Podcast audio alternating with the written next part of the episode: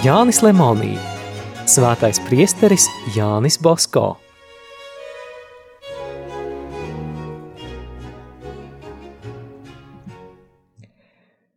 Kad Jānim Bosko bija uz dažām nedēļām jāizbrauc uz Romu, Florenci vai arī Franciju, viņš būdams ceļā uzrakstīja garu sirsnīgu vēstuli visiem saviem mīļajiem zēniem. Tajā pašā ploksnē tika ieliktas mazas vēstulītes dažiem audzēkņiem atsevišķi. Skaidrs, ka tādu vēstulīti izlasījuši, zēni apņēmās turpināt vai arī uzsākt labu, likumisku dzīvi. Dažreiz priesteris rakstīja arī bērniem, kas nedzīvoja viņa iestādē. Lūk, kāda Jāņa Bosko vēstule, ko viņš rakstīs no Turīnas kādam mazam draugam provincē. Mīļo Jāzep, tu darīji ļoti labi, ka man uzrakstīji. Saņēmis tavu vēstuli, es ļoti priecājos. Kad tavs altārītis būs pabeigts, es aiziešu pasakīt sprediķi, kā jau tev agrāk esmu solījis. Kad būšu tur, mēs atkal abi parunāsimies par mūsu kopīgajiem jautājumiem. Vai tu vēl atceries to līgumu, kuru mēs kādreiz parakstījām? Tas ir būt tādiem draugiem, it kā mums būtu viena dvēsele, ar visu sirdi mīlēt Dievu. Tu man raksti, ka tev ļoti patīk no koka izdrāzt altārīšus, priecāties par svētām lietām. Ko es tev tagad varu pasakīt? Kas svēts, tas labs. Bet ja tavā sirdī labas ilgas, tas nozīmē, ka Dievs tevi mīl. Viņš zināms grib, lai arī tu viņu tāpat mīlētu. Tas nozīmē vēl kaut ko vairāk, bet to es tev pateikšu pie auss, kad atbrauksi uz Turīnu. Man būtu ļoti patīkami, ja tu no manis pasveicinātu savu tēti un mammu. Priesterim dekānam nodot no manis labas dienas, bet savu brālīti noglāsti un parausti aiz auss. Lai Dievs dot jums veselību un savu žēlsirdību, bet, ja tu gribi būt mans draugs, noskaiti par mani, esi sveicināta karaliene. Būšu tev ļoti pateicīgs un vienmēr būšu tavs draugs. Turīnā 1856. gada 8. oktobrī Priesteris Jānis Bosko.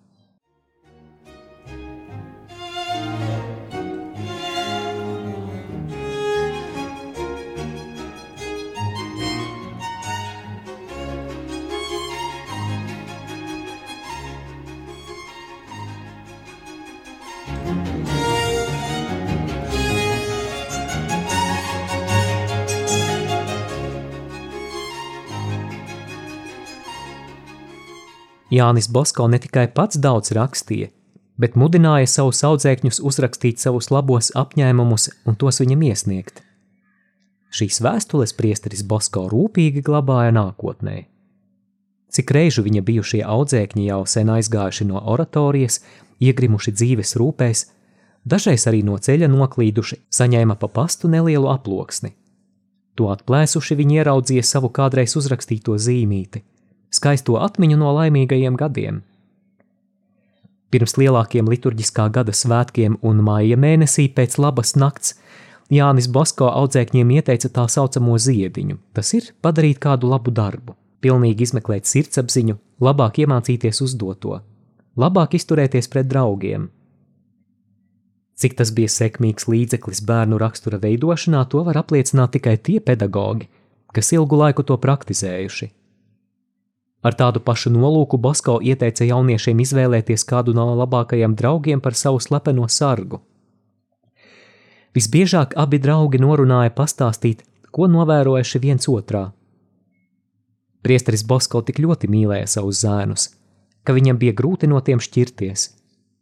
Tādēļ viņš centās, cik vien iespējams, saīsināt vasaras brīvlaiku. Ja negribam to pavisam iznīcināt, viņš sacīja, tad padariet to cik iespējams īsāku, jo brīvlaiks zēnus izsit no līdzsvara un ir ļoti kaitīgs tiem, kam ir aicinājums uz priesterību. Savu tēvišķīgo labestību Jānis Bosko prata apliecināt simt dažādos veidos. Katru svētdienu labākos zēnus viņš aicināja pie sevis pusdienās, dažreiz pēc kārtas no katras klases, dažreiz no visām klasēm reizē. Svētdienās priesteris Bosko aicināja uz pusdienām kopā ar priekšniekiem divus audzēkņus, kas bija pagājušajā nedēļā kalpojuši kopīgajās misēs. Lielajā ceturtdienā 12 labākos audzēkņus Bosko izvēlējās kāju mazgāšanas ceremonijai. Tās dienas vakariņās viņš tos pasauca pie sevis un pacienāja.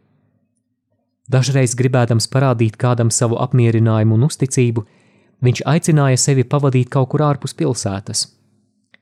Tad viņam bija viegli rosināt jaunieša labo gribu novērst kādu trūkumu, pārspriest viņa aicinājuma jautājumu. Arī priestera Bosko istaba bija visiem vienmēr atvērta. Cik bieži viņam bija jāuzklausa apnicīgi lūgumi, garas sūdzības. Un tomēr viņš visus pieņēma, pacietīgi uzklausīja, mierināja un deva padomu.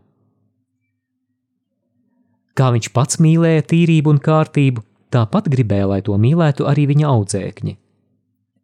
Ja kāds pie viņa atnāca ar netīriem zābakiem vai nekārtīgā apģērbā, priesteris Bosko to aizsūtīja vispirms pienācīgi sakārtoties. Turpretī zēnu, kas atnāca ģērbies kārtīgi, priesteris ļoti laipni pieņēma. Nosēdināja sev līdzās, vai piecēlies kopā ar mazo viesi staigāja pa istabu. Beidzis runāt, priesteris Bosko viesi pavadīja līdz pašam istabas slieksnim. Pats atvēra durvis un ciemiņu izlaizdams teica: Atceries, ka mēs vienmēr esam draugi!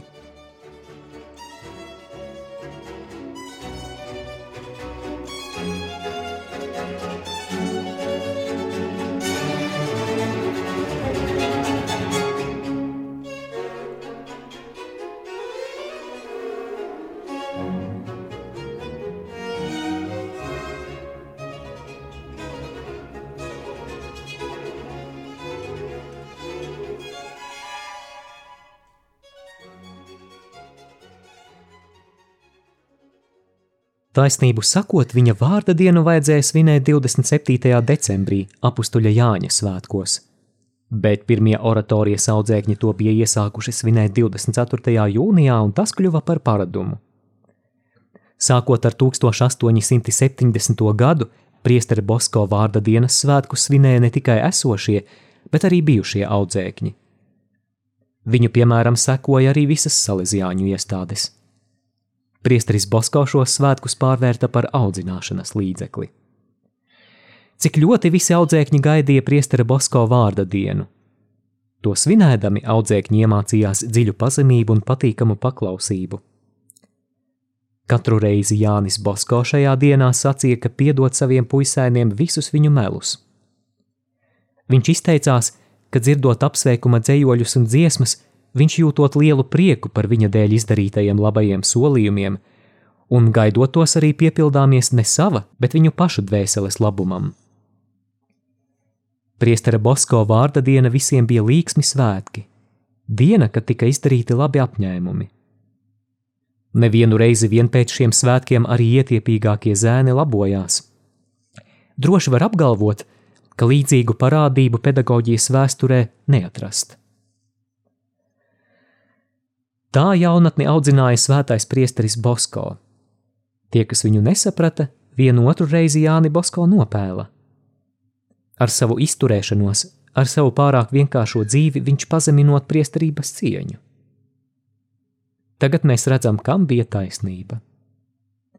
Ar savu izturēšanos priesteris piesaistīja to sirdis, pie kuriem Dievs viņu bija sūtījis. Mīlestības sagūstītiem viņš tad tiem varēja palīdzēt darīt labākas sirdis un raksturu. Kas saskaitīs, cik daudz krietnu pilsoņu beiguši viņa skolas, cik labu darbinieku, priekšzīmīgu ģimenes tēvu, visur gaidītu amatnieku un dedzīgu priesteru. Daudzi no tiem šodien ieņem ievērojamus posteņus pasaules valdībās un baznīcā. Daudzi sasnieguši kristīgās pilnības virsotni, Starp priestera Bosko audzēkņiem ir divi kardināli - Kaljēro un Gamba, četri arhibīskapi - Morganti, Gamberoni, Marenas un Gverra, deviņi bīskapi - Strombino, Lazaņa, Kostomaņa, Čerruti, Spandre, Taso, Pinzorno, Malāno, Versilija. No mirušajiem Inodore Sanktitātis ir Dominiks Savio, Andreo Beltrāmi, Augusts Čartoriskis ir iesākts šo personu beatifikācijas process. Priesteris Bosko bija tik pārliecināts, ka sargātāja audzināšana ir vispiemērotākā, ka noraidīja piedāvājumu vadīt labošanas namu, lai nevajadzētu atkāpties no savas audzināšanas principiem. Sargātājas audzināšanas sekmīgumu viņš jau bija pierādījis arī par nelabojamiem uzskatīto bērnu vidū. Šie nelabojamie, viņš sacīja, kļūst labāki tikai dzīvojot kopā ar krietniem bērniem. Varbūt nemainās tikai tie, kurus jau no agras bērnības ir iespaidojis slikts piemērs un kuriem ir vāja griba. Šos bērnus audzināt kopā ar citiem audzēkņiem ir neiespējami. Dzīvot bērnu vidū un bērnu dēļ, ģimenei līdzīgos apstākļos izpētīt viņu dabu, katru atsevišķi ievadīt labā ceļā un iedrošināt pa to iet, lūk, priestera Bosko audzināšanas metodes būtība. Šo metodi viņš saviem skolotājiem skaidrojis ar vārdiem, bet vēl vairāk ar savu paraugu. Cik augstu viņš vērtēja ģimenes garu savās iestādēs, to rāda kāda Bosko vēstule, kas rakstīta no Romas Salīzijāņu oratorijas 1884. gada 10. maijā. Tajā viņš apraksta kādu savu sapni.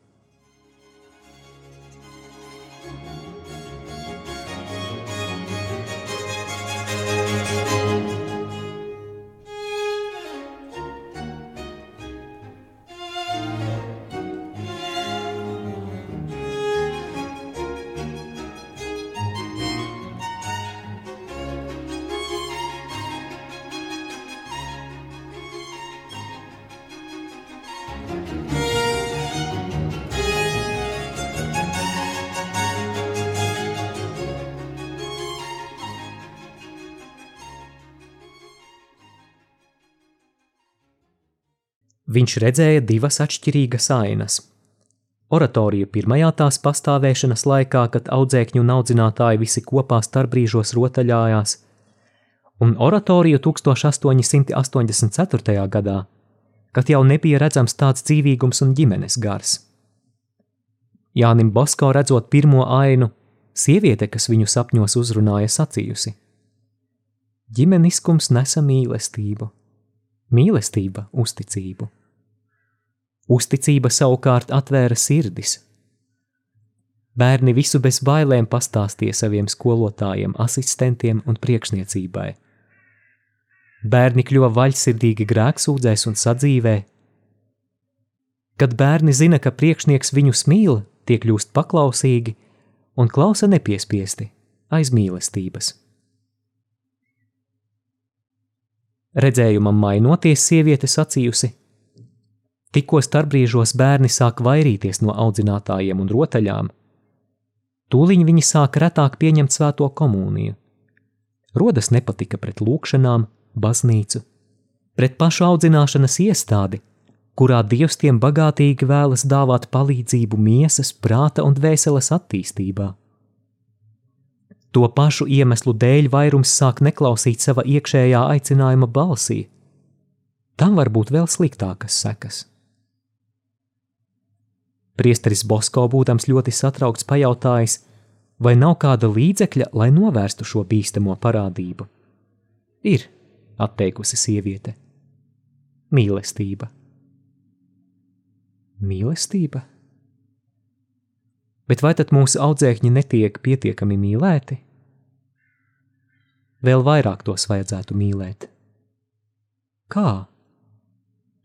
Vajag mīlēt tā, lai bērni ne tikai dzīvotu, bet arī justos mīlēti. Viņus jāmīl nevis vārdos, bet darbos. Audzinātājiem mīlot to, ko mīl bērns, vajag viņam mācīt mīlēt to, ko bērns nemīl.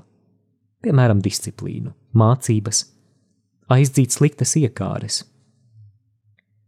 Ja audzinātājs no visas sirds mīlēs audzēkņiem patīkamās lietas, audzēkņiem iepatiksies skolotāja mācītājs jāmīl tas, kas patīk bērniem. Tad viņi mīlēs to, ko no viņiem grib priekšniecība. Tikai tādā veidā audzinātāja darbs kļūs vieglāks.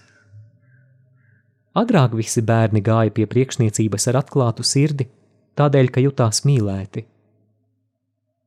Bet tagad jau vairs tā nav. Audzinātāji bērnam ir audzinātāji, nevis vecāki, brāļi, draugi kā agrāk. Bērni no tiem bīstas, bet tos nemīl. Tātad, ja gribi, lai atkal atgriežas agrākie laiki, tas ir, ja gribi, lai atkal oratorijā visi dzīvotu kā viena sirds un viena dvēsele, vajag tūliņ noārdīt šo neusticības žogu, kas šķir audzinātājus no audzēkņiem. Tūliņ atkal atgriezīsies sirsnīga uzticība, un audzinātāji varēs audzināt jaunieti kā māte savu dēlu. Bet kā šo žogu tagad nojaukt? lai audzinātāji atkal kā ģimenes locekļi draudzīgi izturas pret audzēkņiem, sevišķi starp brīžos. Bez ģimenes gara, es atkārtoju, nebūs mīlestības, bet bez mīlestības nebūs uzticības. Kas grib būt mīlēts, tam jāparāda, kā arī viņš mīl. Jēzus Kristus ar mazajiem bija mazs un labprāt pacieta viņu vājības. Lūk, Viņš tev māca ģimenes garu. Kāpēc saki, tagad mīlestības vietā daži grib likt sauso augsto reglamentu? Kādēļ sargātājas audzināšanas uzraudzības vietā sāk ielausties sodu sistēma? Varbūt tādēļ, ka tā audzinātājiem ir vieglāk? Labi, bet tāda audzināšana dod nosacījumus un skatās, lai tos pildītu. Ja nu tie būtu grūti pildāmi, audzēkņi gribot negribot jutīs verdzības nastu. Bet, ja atradīsiet pavadu, tie darīs, ko pašiem gribēsies, un tā nāks viena patvaļība pēc otras. Tas notiks. Tiešām notiks, ja jūsu vidū sāks izzust ģimenes gars. Bet lūdzu saki, kādā veidā atjaunot ģimeniskumu? pietiek akurāti izpildīt mājas reglamentu. Un vairāk nekā? Nekā.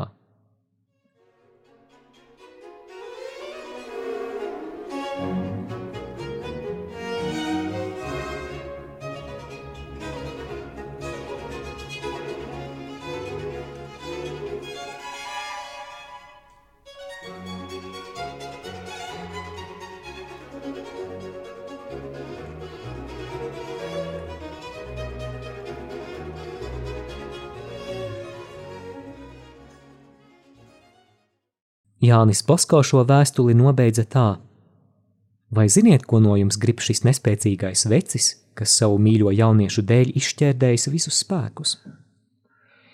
Viņš grib un ilgojas, lai jūs viņu iepriecinātu, apsolīdami, ka darīsiet visu, ko viņš ieteiks jūsu dvēseļu labumam.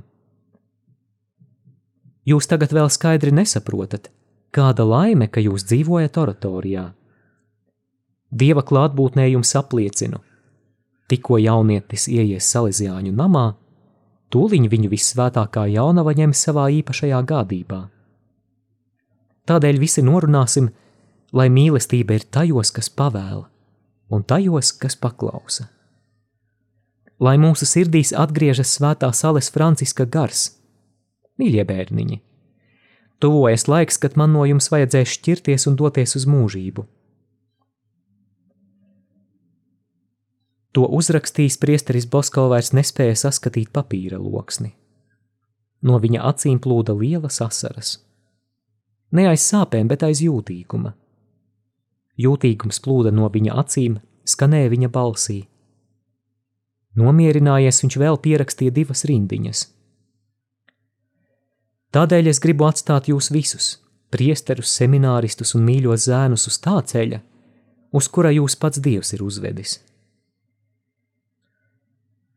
Bieži jaunatnes apstuļa acīs mirdzēja viņa garīgās saimes attēls. Toreiz slāpdams to redzēt vienmēr vienotu, mīlestības saitēm saistītu, viņš sacīja priekšniekiem un audzēkņiem sava aizbildņa apstuļa Jāņa vārdus: Mani bērniņi, mīliet viens otru, mīliet cits citu! Izskanēja lasījums no Jāņa Lemonija grāmatas Svētais priesteris Jānis Bosko.